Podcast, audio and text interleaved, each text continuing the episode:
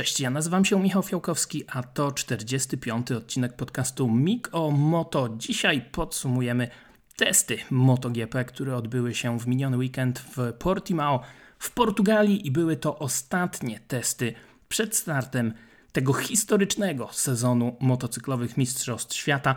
Historycznego, bo czeka aż nas 21 weekendów Grand Prix i podczas każdego z nich będziemy mieli nie tylko ten wyścig główny, niedzielny, ale także dodatkowe e, sprinty, które będą odbywały się w sobotę. Dlatego przed nami bardzo, bardzo intensywny i ciekawy e, sezon, a za nami już ostatnie przygotowania do tego sezonu, podczas których działo się w Portimao naprawdę e, sporo. No i jeżeli patrzyliście tylko na wyniki tych testów, to na pewno nie macie zbyt dobrych nastrojów, chyba że jesteście wielkimi kibicami e, Ducati. Peko Baniaja, obrońca tytułu z absolutnie kapitalnym, najlepszym czasem testów, minuta 37,9.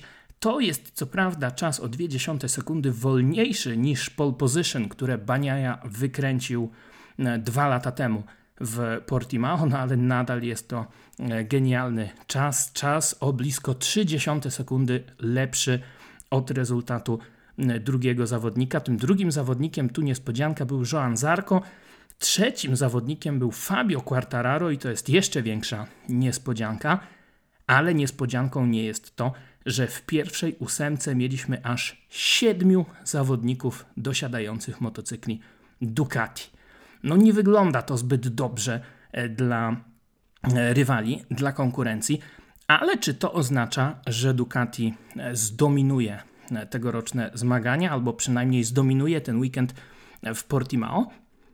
No moim zdaniem wcale to tego nie oznacza i zaraz Wam opowiem dlaczego. Najpierw jednak takie małe wyjaśnienie, bo z tymi testami to jest tak, szczególnie tymi ostatnimi testami, które zazwyczaj odbywają się właśnie na torze, na którym za chwilę ma się odbyć pierwszy wyścig e, sezonu.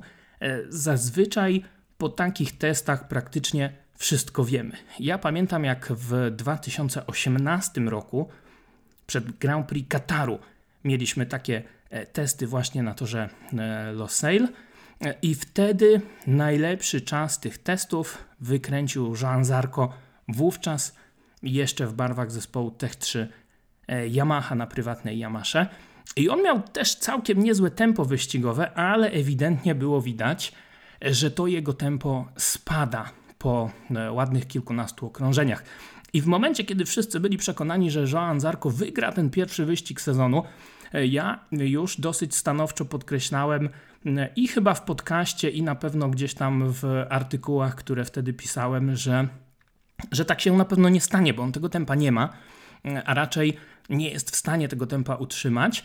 I tak dokładnie było podczas samego wyścigu, kiedy to Zarko prowadził tam przez e, kilkanaście e, okrążeń, a e, po tym czasie pojawiły się problemy i niestety Francuz chyba nawet wtedy nie stanął na podium. Dlatego łatwo jest dosyć wyciągać takie wnioski, zazwyczaj z tych testów, ale tym razem było e, inaczej. Inaczej, dlatego że po pierwsze nie mieliśmy trzech, a tylko dwa dni e, w Portimao, a po drugie dlatego, że e, mieliśmy też bardzo mało tych testów podczas zimowej przerwy. Mieliśmy testy w Malezji, mieliśmy te dwa dni w Portugalii. Malezja upłynęła pod znakiem kapryśnej pogody, no i wcześniej tylko jeden dzień testów w Walencji. Więc e, tego testowania było mało. Do tego e, wielu producentów zarzuciło swoich zawodników e, różnymi częściami.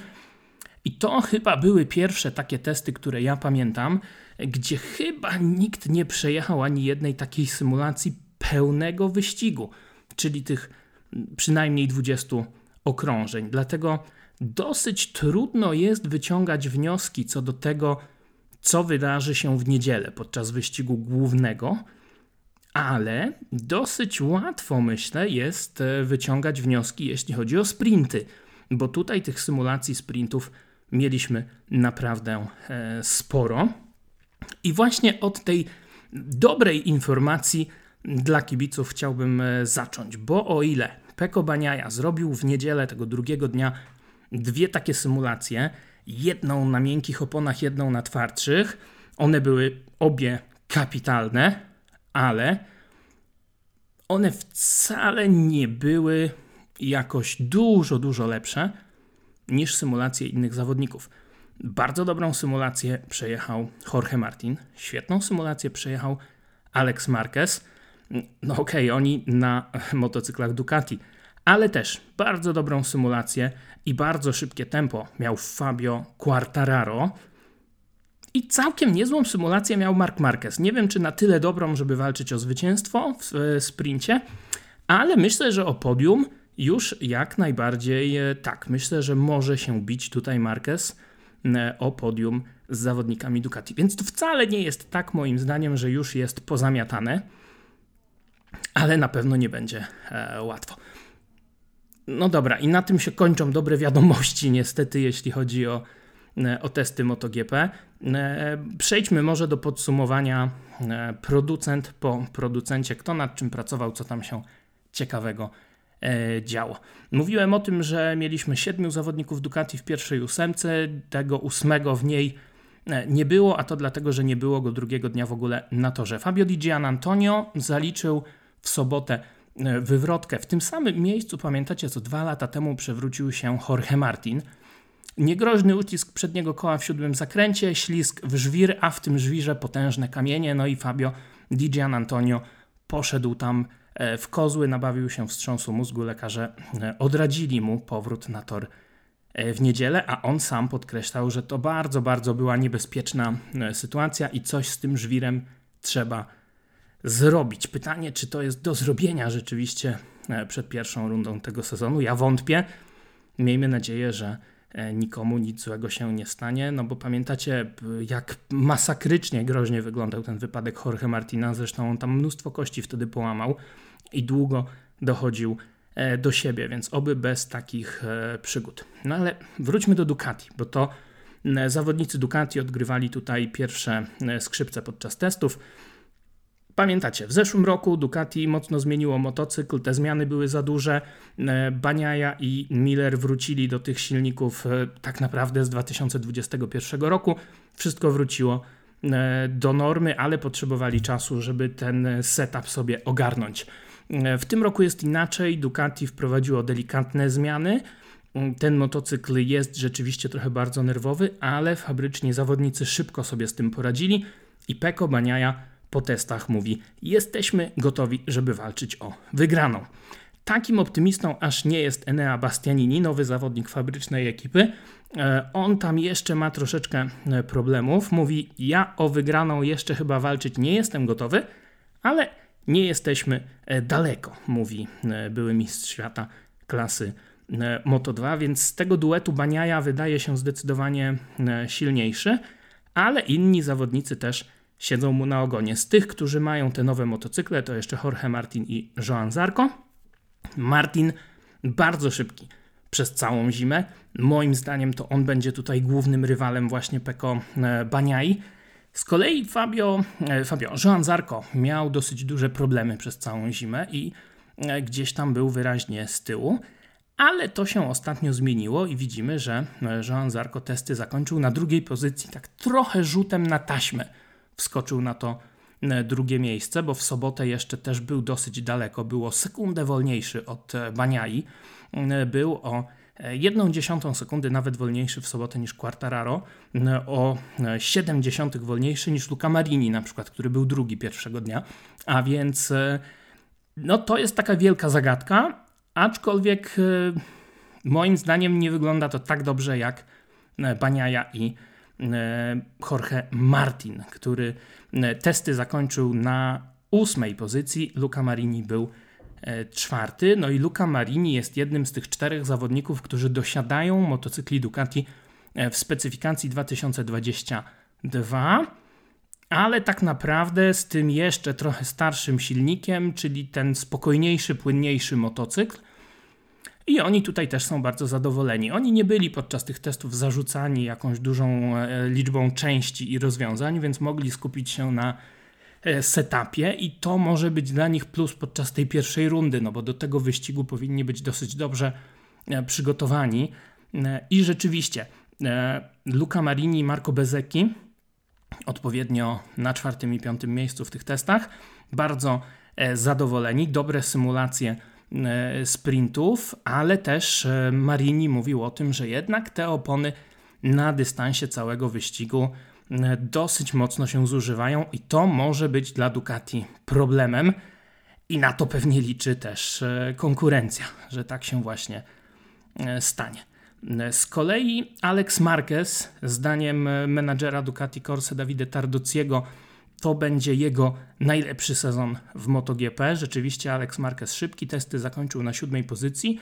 Dobre, równe tempo, świetna symulacja e, wyścigu sprinterskiego, ale też dwie wywrotki. I to są kolejne wywrotki, no bo Alex Marquez leżał też e, w Malezji, więc czy on będzie faktycznie w stanie dotrzymać kroku e, rywalom? No, zobaczymy. Tutaj może być też różnie ale tutaj zgodzę się z tym, że to pewnie będzie jego najlepszy sezon w MotoGP, no bo ta poprzeczka też jakoś super wysoko nie była zawieszona e, w czasach, gdy jeździł Hondą i nie mógł się z tą Hondą e, dogadać. E, zostawiamy Ducati, ale nie zostawiamy jeszcze Włoch. Mianowicie przechodzimy do Aprilii. Aprilia była w Malezji takim głównym rywalem dla Ducati. Oni mówili co prawda, że nie mają takich wyjść, e, nie są tak stabilni na hamowaniu, e, ale są bardzo blisko Ducati.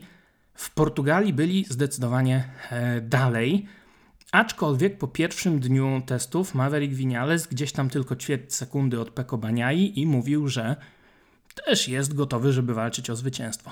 Wiemy jak to jest z Vinalesem, więc poczekajmy ale e, rzeczywiście to tempo było e, niezłe, było szybkie. Widać, że Winiales poprawił te swoje problemy właśnie na nowych oponach. Ale testy zakończył na 12 pozycji. Dopiero 0,7 sekundy za e, Baniają. Przed nim był Miguel Oliveira i przed nimi był Aleix Spargaro, który zakończył te testy na 10 pozycji ale też zakończył je dosyć e, szybko. Drugiego dnia przejechał tylko 27 okrążeń, podczas gdy rywale robili po 50, 60, a niektórzy jak Bezeki nawet i 80 okrążeń. E, ale jeszcze Spargaro miał problemy z przedramieniem, puchnące, drętwiejące e, przedramię. Prosto z Portugalii poleciał do Barcelony, dr Xavier Mir już go zoperował. No i miejmy nadzieję, że nie będzie tutaj z tym e, problemu i że uda się Alejszowi wrócić do formy. Co się stało, że te problemy pojawiły się tak nagle? No jak ktoś śledzi Alejsza Espargaro, to może sobie teraz e, złośliwie żartować, że tak to się kończy, jak się nie chodzi na siłownię, tylko się na rowerze jeździ, e, bo Alejsz Espargaro jest tak zapalonym kolarzem, że nawet jego wielkim fanem jest Robert Kubica. E, o czym kiedyś Robert na jakimś tam live w internecie mówił. E, ale już mówiąc zupełnie poważnie, e, problem bierze się w dużej mierze z tej bardzo zaawansowanej aerodynamiki. Aprilia pokazała w Portimao takie skrzydełka aerodynamiczne montowane na przednim zawieszeniu. Pokazała też taki spoiler z tyłu na zadupku, wyglądający jak miniatura tylnego skrzydła bolidu Formuły 1. No, wyglądało to troszeczkę karykaturalnie, ale to też pokazuje, jak e, ekstremalnych rozwiązań już e, sięgają producenci motocykli. Mm, czy to będzie używane przez Aprilię w trakcie sezonu, to się okaże. E, natomiast to, czego nie było w Portimao, to jest ten nowy, mocniejszy silnik, o którym mówiliśmy już przy okazji testów w Malezji. E, które Aprilia zakończyła z dobrym tempem, ale oni mówili, no tak, nie mamy jeszcze tych nowych silników, one będą w Portugalii. I nie było ich na testach, będą gotowe na pierwszy wyścig. Moim zdaniem to jest trochę ryzyko, no ale miejmy nadzieję, że tutaj z niezawodnością nie będzie e, problemu. Powiem szczerze, trochę to zaskakujące. Tak czy inaczej, Aprilia nadal wydaje się głównym tutaj rywalem dla e, Ducati.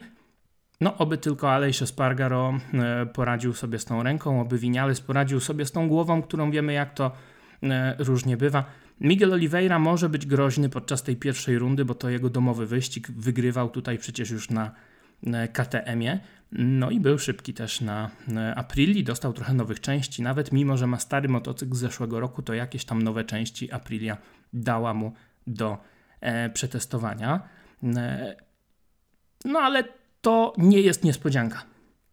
Niespodzianką jest natomiast sytuacja Yamahy, która jak wiecie, po rundzie, po rundzie, po testach w Malezji, no była jednak w sporych tarapatach. E, inżynierowie zaadresowali ten problem, jaki miał w zeszłym roku Fabio Quartararo, przygotowali mocniejszy silnik, przygotowali jakieś tam nowe rozwiązania aerodynamiczne, nową ramę i tak dalej, ale jak już na to wszystko wsiadł Francuz, to powiedział, że e, kompletnie ten motocykl nie ma tempa na nowych oponach. I czy to są opony miękkie na takie jedno kółko kwalifikacyjne, czy to są opony e, twardsze i e, symulacja długich przejazdów w początku wyścigu z pełnym obciążeniem paliwa, niezależnie od tego, na nowych oponach te motocykle po prostu kompletnie nie jadą, są bardzo wolne, ta strata jest duża, nie wiedzieli w Yamasze z czego to się wzięło.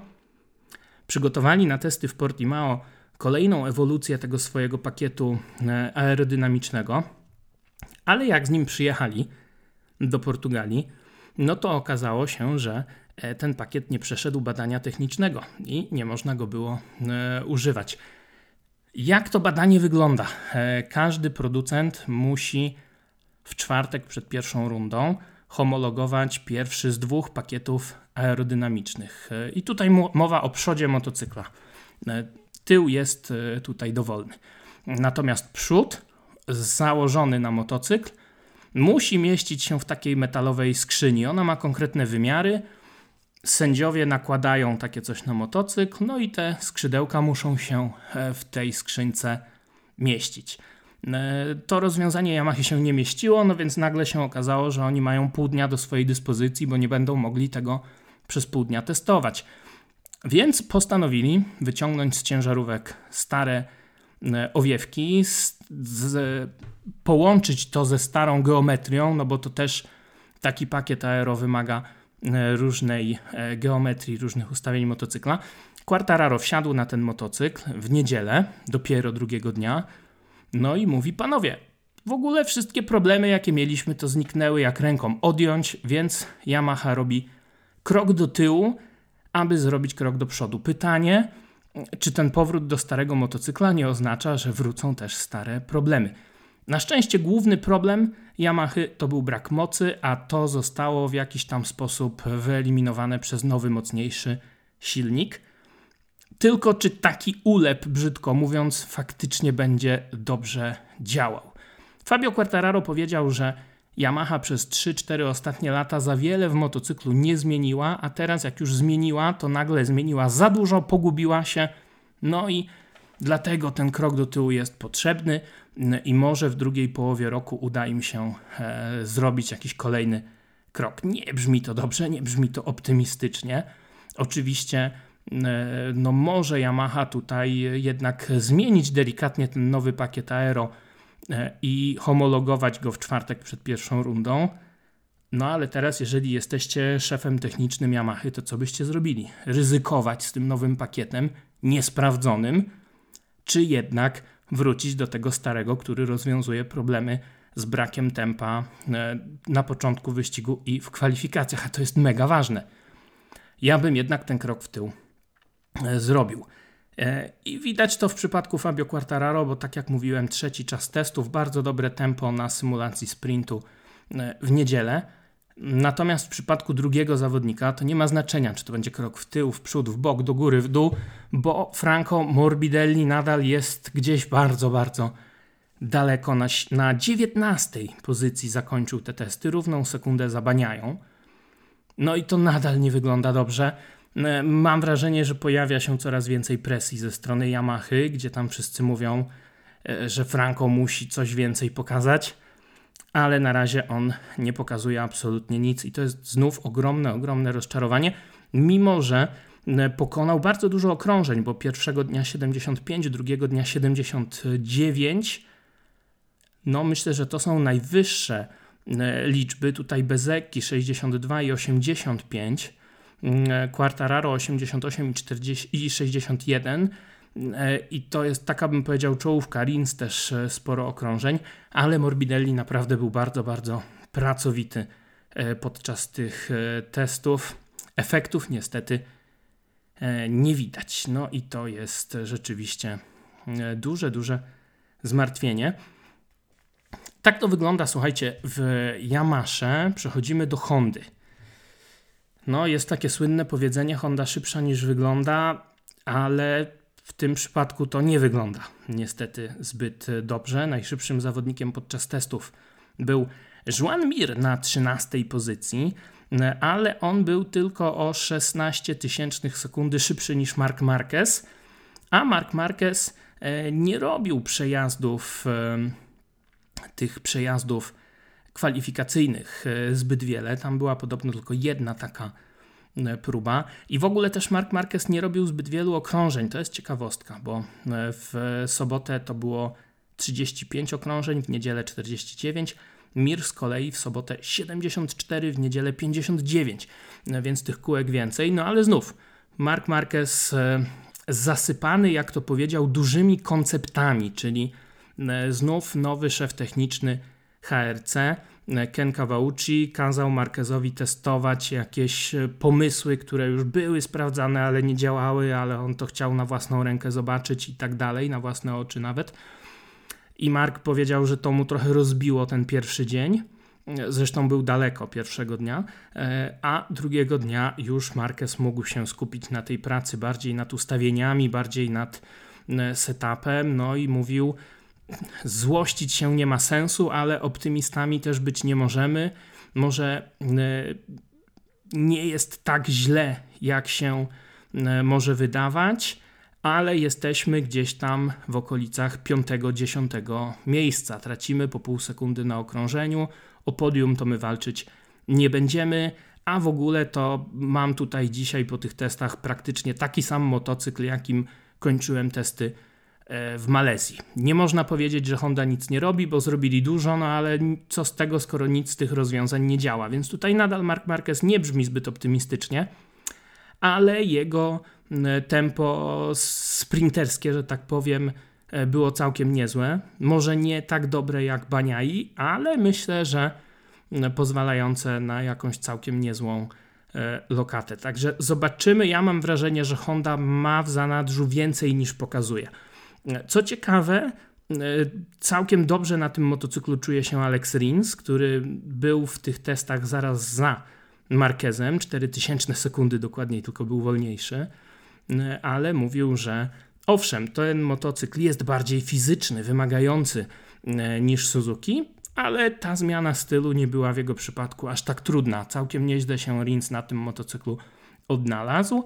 No i może znów 15 pozycja w testach to nie wygląda dobrze, ale kto wie, może on ma w zanadrzu więcej niż nam się e, wydaje. Najmniej taki optymistyczny jest chyba Joan Mir, który mówi, że rzeczywiście ten motocykl nie do końca mu odpowiada, że e, te hamowania cały czas to jest duży problem. No, zobaczymy, jak to będzie wyglądało. Mir na pewno nie będzie miał tutaj łatwego e, zadania, ale wydaje mi się, że jeszcze trudniejsze zadanie będą mieli zawodnicy dosiadający motocykli marki e, KTM. Znów dużo nowych części, nowych rozwiązań, wszyscy już na tych nowych silnikach, które były testowane w Malezji. One wyraźnie inaczej brzmią niż te e, poprzednie, więc widać, że tutaj KTM cały czas e, pracuje. Jack Miller mówi, że baza już jest w porządku, teraz jeszcze tylko trzeba elektronikę dopracować, no ale Jack Miller był dopiero 17 w tych testach. Brad Binder był dziewiąty, pół sekundy tylko zabaniają i to jest naprawdę dobra wiadomość, bo e, pamiętacie, że w zeszłym roku KTM miał duże problemy z kwalifikacjami, E, I taki czas, takie dziewiąte miejsce Brada Bindera to jest dobry znak. Mm, niestety, e, Brad mówi o tym, że to było okupione naprawdę dużym ryzykiem, że on na tych próbach kwalifikacyjnych musiał bardzo mocno cisnąć. Gdzieś tam zresztą po drodze nawet dwie wywrotki zaliczył. e, ale sam był zaskoczony, bo powiedział, że to tempo kwalifikacyjne było w jego przypadku lepsze niż e, tempo wyścigowe, więc zupełnie odwrotnie niż w zeszłym roku. Mm, to może być dobra wiadomość w kontekście sprintów. Jak będzie w niedzielę, zobaczymy. Tak czy inaczej, zawodnicy KTM mówią, że no nie są tam, gdzie chcieliby e, być. Miller 17, Pole Spargaro 18, Augusto Fernandez 22, sekunda i 70 straty do e, Peko Baniai, no i był najwolniejszy Augusto Fernandez z tych etatowych zawodników, bo jeszcze jeździli Michele Piro i Stefan Bradl, kierowcy testowi Ducati i Hondy odpowiednio. No i tak to słuchajcie wygląda, jeśli chodzi o całą stawkę MotoGP podczas tych e, testów. Dużo różnych e, owiewek znów testowanych, tych aerodynamicznych, dużo różnych rozwiązań. Ja popełniłem taki felieton, który powinien się lada chwila pojawić na portalu ścigacz.pl na temat tego, czy przypadkiem nie powinniśmy troszeczkę tego wyścigu zbrojeń e, ograniczyć, czy nie powinniśmy wprowadzić takich rozwiązań, jakie stosuje Formuła 1, gdzie są limity budżetu, gdzie są limity, jeśli chodzi o korzystanie z tunelów aero. Jestem ciekaw Waszego zdania. E, no i czekamy na start sezonu MotoGP. E, ostatni weekend marca, pierwsza runda Grand Prix. Nie Kataru tym razem, bo Katar się przebudowuje pod kątem Formuły 1. E, Formuła 1 też tam pojawi się dopiero pod koniec sezonu. MotoGP również nieco później niż zazwyczaj. No i e, w ten sposób sezon zaczynamy w Portimao. W niedzielę pierwszy wyścig główny, w sobotę pierwszy sprint. To też będzie nowość dla nas wszystkich, więc myślę, że czeka nas bardzo, bardzo ekscytujący e, sezon. Nie mogę Wam obiecać, że po każdej rundzie będziemy się słyszeli w podcaście, bo wiadomo jak to jest, dużo różnych innych tematów, obowiązków E, mam na głowie, ale będę się starał i mam też e, jedną niespodziankę dla Was zaplanowaną albo w najbliższym, albo w kolejnym, e, po tym najbliższym odcinku, ale tak czy inaczej coś tam ciekawego i jakieś urozmaicenie dla Was wymyśliłem i na razie na tym to zostawię. A dzisiaj już pozostaje mi powiedzieć Zanim powiem cześć, to pozostaje mi jeszcze powiedzieć: lajkujcie, subskrybujcie, komentujcie, bo to zawsze e, pomaga. E, a poza tym, do usłyszenia w kolejnym odcinku. Cześć.